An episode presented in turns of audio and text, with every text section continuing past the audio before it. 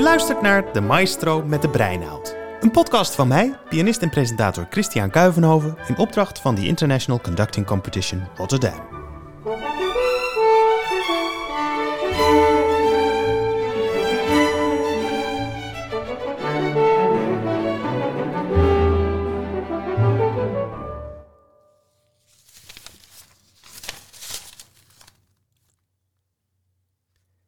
Het is belangrijk om je nooit door de meningen van anderen te laten leiden, maar om standvastig je eigen weg te volgen en je niet te laten verslaan door mislukkingen of af te laten leiden door applaus.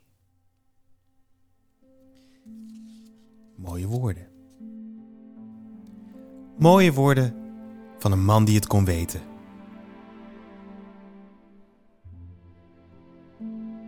Een man die zijn allereerste dirigeerbaantje vond in een somber klein houten theatertje in een dorpje in Oostenrijk, maar zich vervolgens op zou werken tot de artistiek directeur van de Weense Staatsopera en chefdirigent van de New York Philharmonic.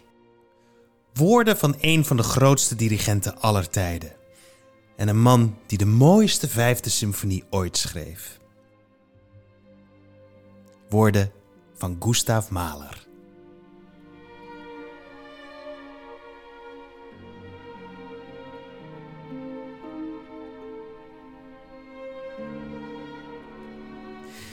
Hij schreef deze woorden aan zijn verloofde, Alma Schindler, in 1901. Zou hij nu hebben geleefd, dan zou hij deze woorden misschien wel hebben gezegd tegen de jonge ambitieuze dirigenten die mee gaan doen aan de International Conducting Competition Rotterdam. Dat is een grote internationale dirigeerwedstrijd die in seizoen 2021-22 voor het eerst zal gaan plaatsvinden. Uit 166 aanmeldingen zijn 24 deelnemers geselecteerd die af mogen reizen naar Rotterdam. En hieruit zullen na een eerste selectieronde nog maar zes deelnemers overblijven die dan om de hoofdprijs zullen strijden. Misschien zitten daar ook wel de twee dirigenten tussen die ik in deze zesde en laatste aflevering van de Maestro met de Breinaald ontmoet. Ik ben uh, Martijn de Dievel. Ik ben oorspronkelijk afkomstig uit, uh, uit Brugge, uit België. Uh, in een muzikaal gezin. Mijn moeder is violiste en pianiste. Dus uh, ik ben van jongs af aan met muziek bezig geweest. Zelf ook viool geleerd, uh, heel vroeg. En dan op, op cello overgeschakeld. Ook blokfluit, slagwerk gedaan. En dan eigenlijk door concerten te bezoeken met mijn moeder in haar orkest... is zo'n beetje bij beetje de interesse gekomen om, om dirigent te worden. My name is Chloe Rook. I'm 24. I'm a British conductor. And I'm currently living in The Hague um, because I'm studying on the Dutch National Master in Orchestral Conducting. And before that, I did a master in conducting as well at the Royal Academy of Music. So I just moved um, over here in August following my completion of that. And yeah, I'm really excited to be here. Excited to be here. Dat is Chloe Rook alleen al om te studeren in Nederland. Moet je nagaan hoe ze zich voelde toen ze te horen kreeg dat ze een van de 24 deelnemers was die geselecteerd werd uit 166 aanmeldingen om deel te nemen aan de International Conducting Competition Rotterdam. De finale van deze podcast heeft ze in ieder geval al gehaald, waarin natuurlijk ook Ed Spanjaard en Anthony Hermes niet mogen ontbreken. Mijn leermeesters die het me hebben gegund om een klein inkijkje te krijgen in dat fascinerende beroep van ze. Niet geheel toevallig zijn zij ook jurylid van de International Conducting Competition Rotterdam. En ik ben eigenlijk wel benieuwd, zouden ze zelf hebben meegedaan? Ik denk het wel. Ja? Ja, ik zou alle gelegenheden te baat nemen om ervaring op te doen. Om mee te doen. En ik zou mezelf niet als doel stellen, ik moet dat concours winnen, want anders uh, is mijn leven mislukt of zo. Dat niet, want je weet dat dat van een heleboel andere factoren ook afhankelijk zou kunnen zijn. Maar ik zou wel mee willen doen, al is het maar gewoon om het feit om het Rotterdam eens een keer te kunnen dirigeren. Hmm. Um, ik heb zelf, laat ik dit vooropstellen, zelf nooit aan een concours meegedaan. Ik heb ook nooit die spanning en die druk ervaren en ook niet de glamour van heel ver komen. Um, ik merk dat het winnen van concoursen of daar zichtbaar in worden wel belangrijk is tegenwoordig. Sowieso is er een hang naar jong talent. De tijd dat de vrouwen niet meer meetelden is volledig voorbij. Ja. Um, en het is een klein wonder. Ik vind het echt heel bijzonder dat, je, dat een dirigent van rond de 25 al zoveel bijzondere eigenschappen heeft dat hij een kritisch orkest bevalt. Hij noemt een paar interessante dingen daar, Ed. Namelijk leeftijd, veel jonge mensen op de bok en gendergelijkheid. Vrouwen die veel meer zichtbaar en aanwezig zijn in de internationale dirigenten scene. Daar gaan we het zo meteen nog even over hebben. Maar eerst wil ik je nog aan iemand anders voorstellen. Namelijk de man die het ICCR op touw heeft gezet. Um, ik ben Rob Hilberink, uh, directeur van de International Conducting Competition Rotterdam. Rob, wat is het ICCR precies? Nou, ICCR is, dat is echt een, een, een springplank voor, voor jong internationaal dirigenttalent. We zijn daarmee begonnen omdat er eigenlijk gewoon zo weinig kansen zijn als dirigent om, om daadwerkelijk met jouw instrument iets te doen. Mm -hmm. Echt werken met een orkest, dat is voor, gewoon voor heel veel jonge dirigenten niet weggelegd. Nee. En uh, wij, wij, wilden een, niet zozeer een, een wedstrijd creëren uh, waar het echt gaat om, om een supertalent aan te wijzen. Nee, we wilden eigenlijk met name ook gewoon een, een kans creëren voor talenten om te werken met verschillende orkesten uh, en ook echt een project draaien. Wat heet? De deelnemers krijgen de kans om met Symfonia Rotterdam te werken, het Doelenensemble, het orkest van de 18e eeuw, het Rotterdam Symphony Choir en, als grote klapper, het Rotterdams Philharmonisch Orkest. Maar dan moet je wel weten door te dringen tot de laatste zes. En een jaar voordat het hoofdconcours plaatsvindt, geselecteerd worden in de selectierondes. Een enorme planning, zo'n concours, waar van het moment van aanmelden tot het moment van prijsuitreiking in totaal zo'n anderhalf jaar verstrijkt. En dat is niet gebruikelijk. In veel andere gevallen is een concours één evenement waar alle rondes in één tijdsbestek plaatsvinden. En voor deelnemers, en trouwens voor juryleden ook, is dat bijzonder intensief en erg stressvol. Daarom doet het ICCR het net even anders. Uh, ik vind het heel fijn dat ze, dat, ze, dat ze tijd nemen. Dat is heel belangrijk, denk ik. Er zijn veel wedstrijden waar je het gevoel hebt dat je gewoon erdoor gesluist wordt. Um, het begon al bij de, bij, de, bij, de, bij de fase van de aanmelding, waar ik het heel fijn vond dat ze bijvoorbeeld vroegen naar concertprogramma's. Dus waar het niet alleen gaat over uh, je stuurt een video, je hebt een mooie, mooie cv, maar ze hebben echt... Um, ik had echt het gevoel dat, dat ze je ken, leren kennen als, als persoon, als persoonlijkheid, als, als iemand die een visie heeft of misschien geen visie heeft. Dat dat echt een gevoel van, van het is echt een, een wedstrijd waar, waar iets achter zit. Wat heel leuk was, iedereen moest een welkomstfilmpje um, maken, dus een introductiefilmpje van zichzelf maken. Ik ben sowieso en ik kom daar en daar vandaan en ik doe mee, want hartstikke leuk. Zie je overigens soms zelfs wel meer dan op een dirigeerde video. Oh ja. Je ziet veel duidelijker een persoonlijkheid van iemand. Um, en wat ook heel interessant was, iedereen moest programma's maken. Voor een kamerorkest, voor een groter orkest. En ook dat was heel interessant. Van waarom worden bepaalde stukken gecombineerd? Je krijgt een klein kijkje in, in het hoofd van mensen. Uh, waarom of hoe zij eigenlijk over het vak denken. Of hoe zij over de muziek denken.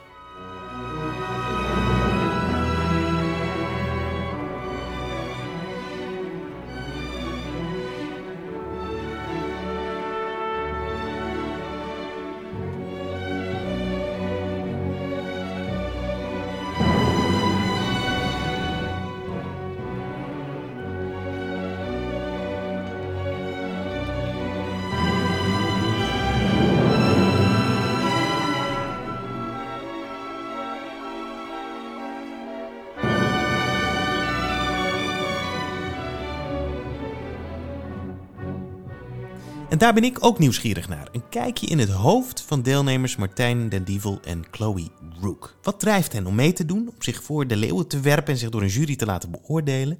En met welke instelling gaan zij naar het ICCR? Yeah, I think it is with this mind of learning and of treating just being in the first round as an opportunity.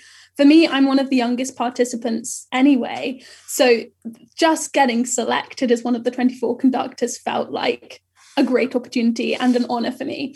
And um, so I just want to make the most of that. And I think also because um, I'm expanding my repertoire. So any any opportunity to learn new repertoire in detail and and hopefully I would love to get through to the second round just to get to work on that repertoire that I've been studying. Nou, iedereen probeert te winnen, denk ik. Ik denk dat je niet naar een concours gaat als je niet voor ogen hebt uh, dat je kan winnen. Uh, ik denk dat het een belangrijke instelling is om, om, om sterk in je schoenen te staan bij zo'n wedstrijd. Dat je je presenteert als iemand die, um, die, die die klaar is met geen, met geen wat hij wil, wil vertellen. Dat het niet iets is van, ja, die is nog aan het zoeken. Ehm, zonder arrogant te worden natuurlijk, want het blijft, we blijven nog beginners, we blijven nog mensen die mentoring nodig hebben.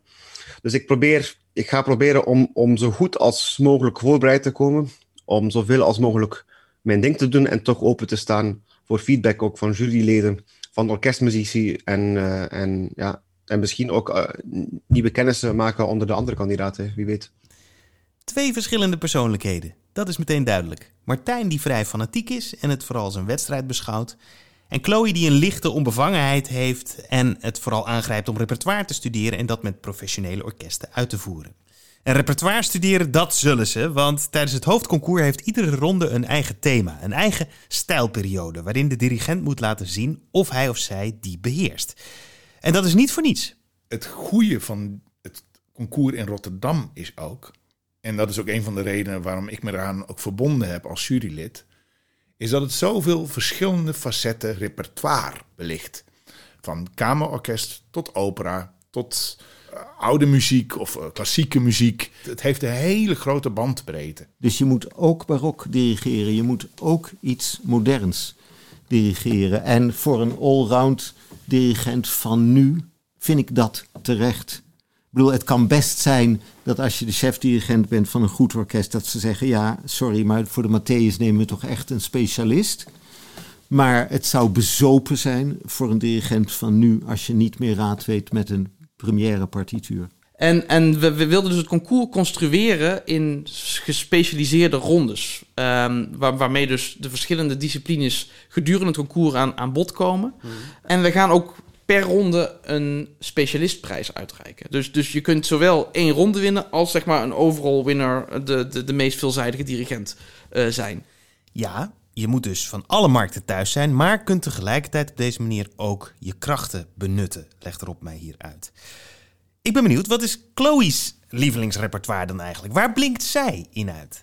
at the moment, I just love everything. So it's kind of hard to say. And I also do feel that my job as a conductor is to be a passionate advocate of whatever repertoire I'm working on at that time.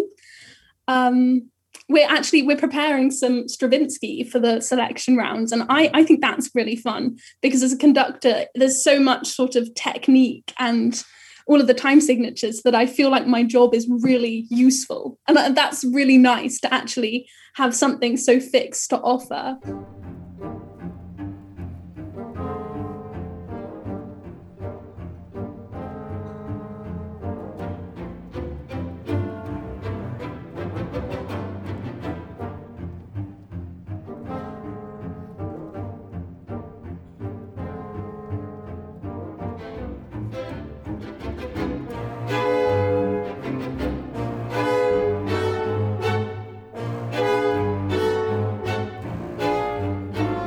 At the same time, the sort of music of my heart, I'm I'm a huge fan of Brahms and of that sort of um, I guess intellectual, like mid-romantic style where there's just so much depth to the harmony and to the counterpoint. And for my sort of brain, that is just st- so stimulating and gorgeous to work with in a study room. But then I find it also to be deeply expressive and the sort of music that allows musicians to communicate with a huge intensity of emotion.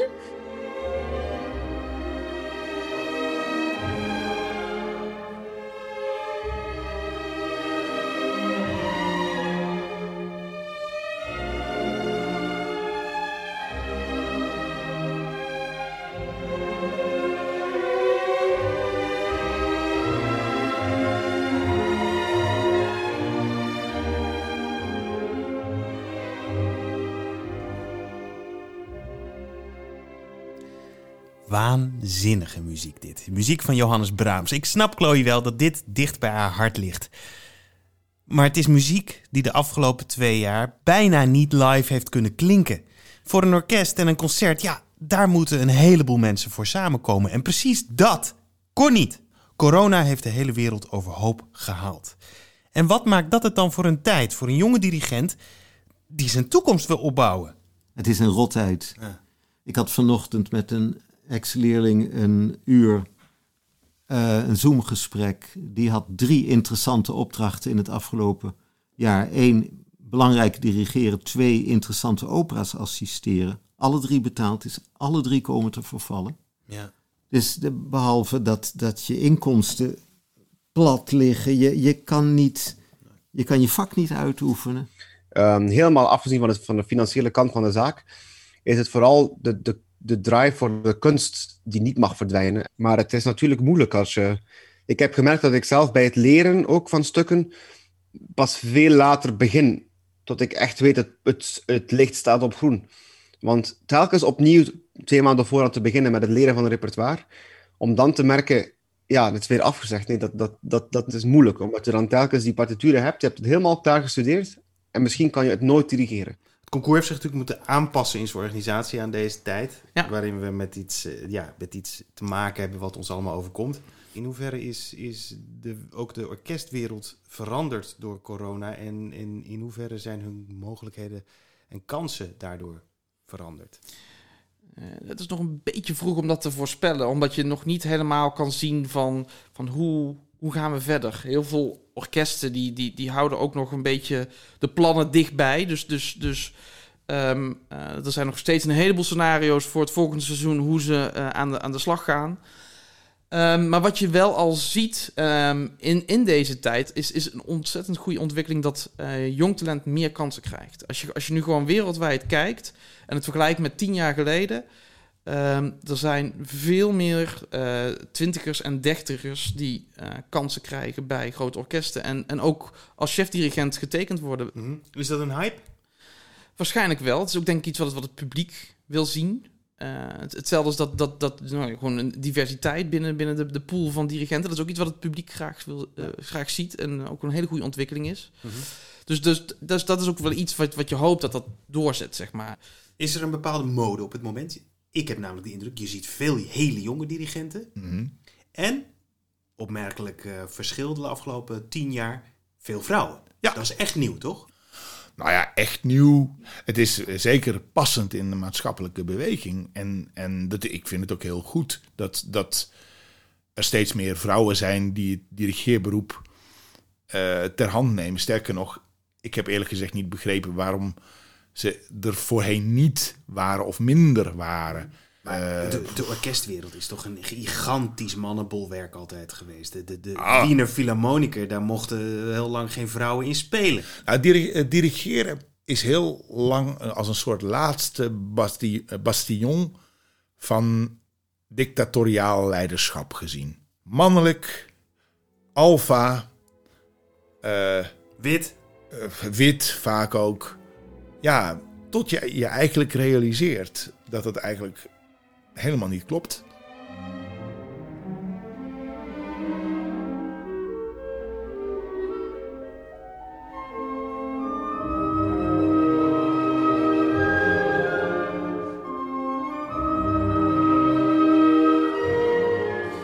Hoe kijkt Chloe daarnaar? Als zij nou 20 jaar geleden haar beroepskeuze moest maken, was zij dan ook dirigent geworden?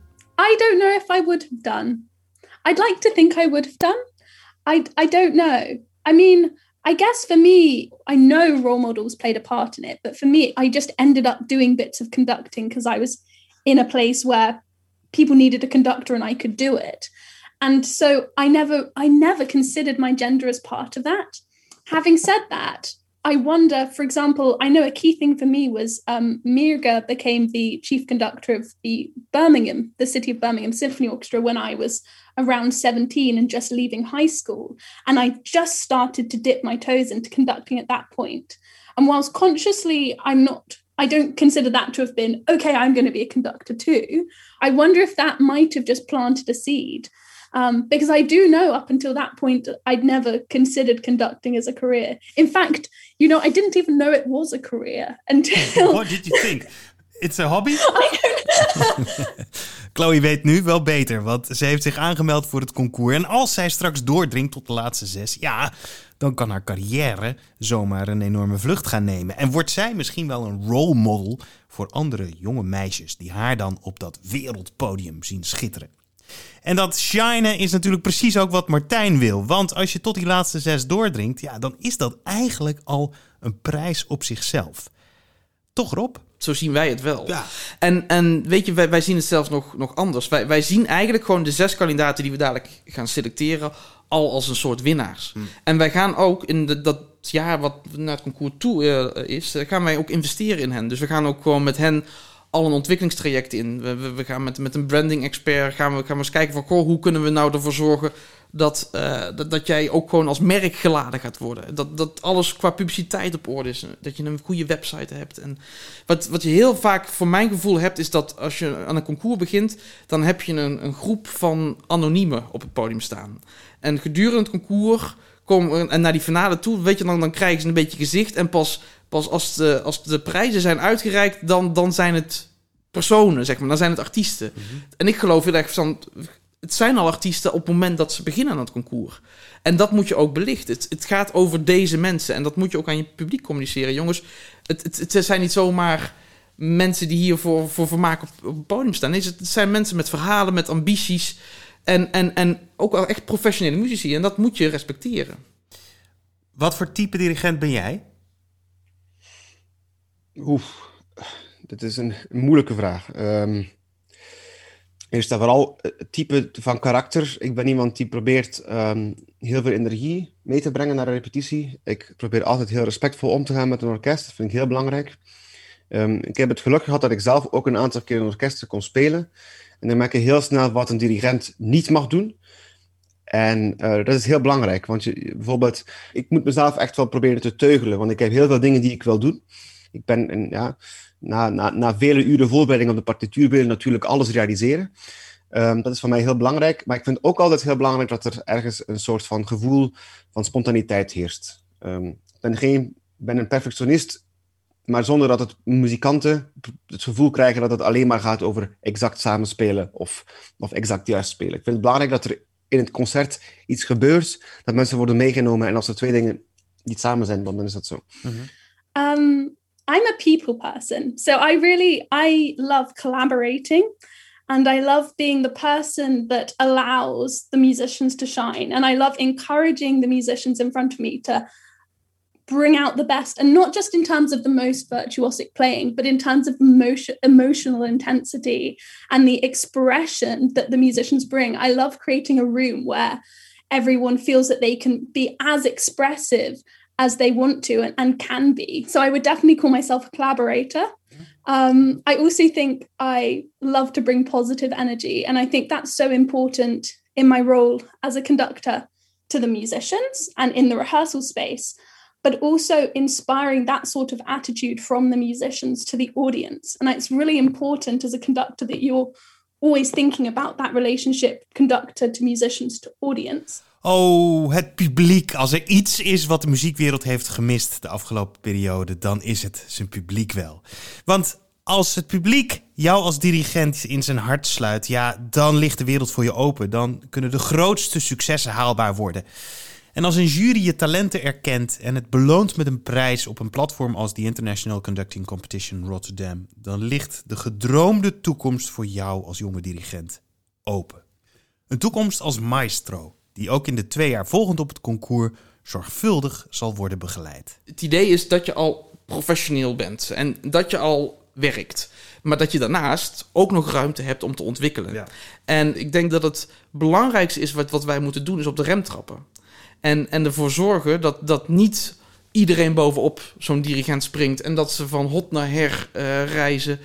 En, en, en, en dat is heel vaak iets wat op mijn gevoel in de muziekbusiness ontbreekt. Hè? Die, die, die kansen om, om te groeien. En, en ook, dat houdt ook in kansen om te falen. Het is tegenwoordig heel erg bij impresario en bij, bij, bij platenlabels erop gericht om te scoren. En, en als ze jou tekenen, dan, dan verwachten ze ook echt meteen een return on investment.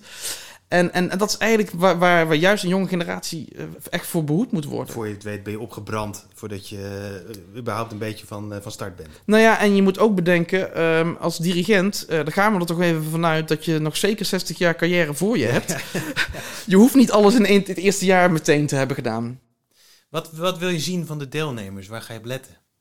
Ehm, kennis van zaken, vakmanschap, dus dat een orkest heldere bewegingen te zien krijgt en een persoonlijkheid die eigen is. Belangrijk is om het snel het gevoel te krijgen dat er een echt muzikant voor het orkest staat. Want dat is wat een orkest binnen 10 minuten voelt. Wat ik heel belangrijk vind, is dat iemand een duidelijke visie over een stuk meebrengt. En dat je ook ziet dat hij dat zonder al te veel moeite en met, met een groot gemak kan overbrengen aan een ensemble.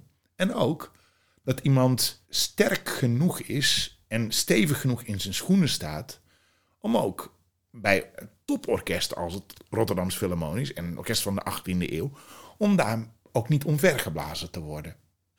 Belangrijk is dat daar een integer persoon staat, een authentiek persoon, die diep over de muziek heeft nagedacht, die een diepe connectie heeft met de muziek, die een groot respect heeft voor de muziek en voor de muzikanten waar hij mee werkt.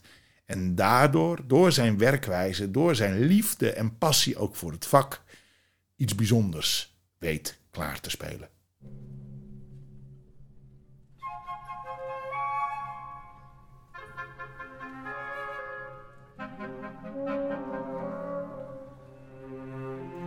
Als twaalfjarig jochie stond ik op mijn kamer symfonieën te dirigeren. En ging ik volledig op in mijn rol. De maestro met de breinaald. In opdracht van de International Conducting Competition Rotterdam heb ik nu dat dirigentenvak mogen onderzoeken. Ik heb de sensatie van het dirigeren een beetje kunnen ervaren tijdens mijn inspirerende lessen van Anthony Hermes en Ed Spanjaard. Ze hebben mij, en ik hoop ook jou, fascinerende inzichten en wijsheden meegegeven. En of ik nou ooit zelf dirigent ga worden of niet, ik heb in ieder geval aan deze podcast een echt dirigeerstokje overgehouden.